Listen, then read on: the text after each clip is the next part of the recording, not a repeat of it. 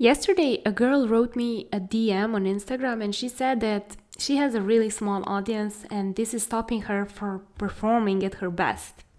And this got me thinking because, you know, uh, I was so happy when my first 100 fans, people who loved my blog, who didn't know who I am because there was no photo, there was nothing, there was just stories on my blog.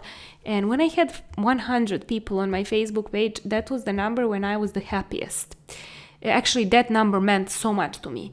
Because what i had in my brain uh, with visualization with that 100 people when it happened i just imagined that is like three classes in my high school. Three different classes full of students like 35 people stu- like cl- one class you know in my country is like 30 35 people. And i was like damn like three classes are listening to me. That is amazing that this social network, Facebook, where I was new back then, is 2011, provided me with this opportunity to have three classes listening to what I have to write and say.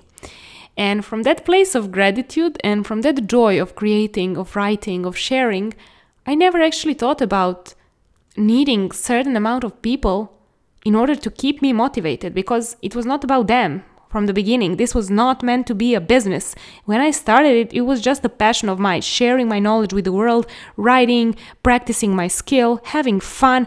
And I did never think that, oh, there are like three people who are liking my blog, so therefore I should not be writing or therefore this shit sucks. No, I was thinking like, listen, I'm enjoying this, I'm having fun. If other people like it, it if it resonates with them, it will spread. All the good ideas spread. If it's shitty, then it's fine. I get to enjoy my process and other people don't like it, then it's okay. It's on them, you know. I don't I don't create that to be liked. I create it because I feel the need to share that, to share this story with you. I don't need to do this podcast daily, you know, guys, like I don't get any money for this. I just have fun.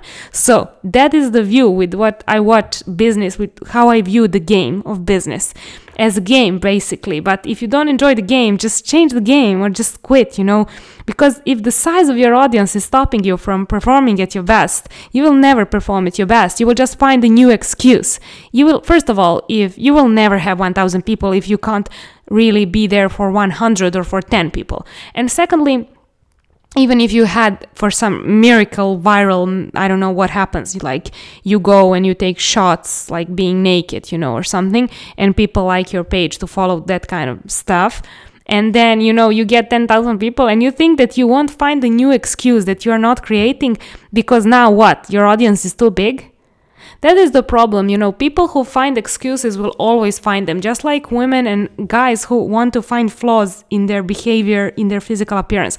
We're all flawed. Like, if you keep looking, you will find, and you won't need to look so far. So, do not focus on the size of audience as a determ- determine, like, num- number that actually signifies whether you should be creating and how often and how well you should be performing. You should be performing for yourself and having fun for the sake of it for just being better at what you do. It doesn't have to be that 1000 people like what you do and then you become better. No, you become better because you show up daily. You become better because you enjoy the process. You're having fun. And just forget about that excuse that size of audience is stopping you from performing. Come on, your brain is stopping you from performing and that's an excuse. And then ask yourself, do I even want to do this? Why am I here for? Why do I want to serve these people? Do I even want to serve these people? And if the answer is no, just go and find a job. Don't waste your time and don't waste their time on social media. If you're not there to serve, just go some other place.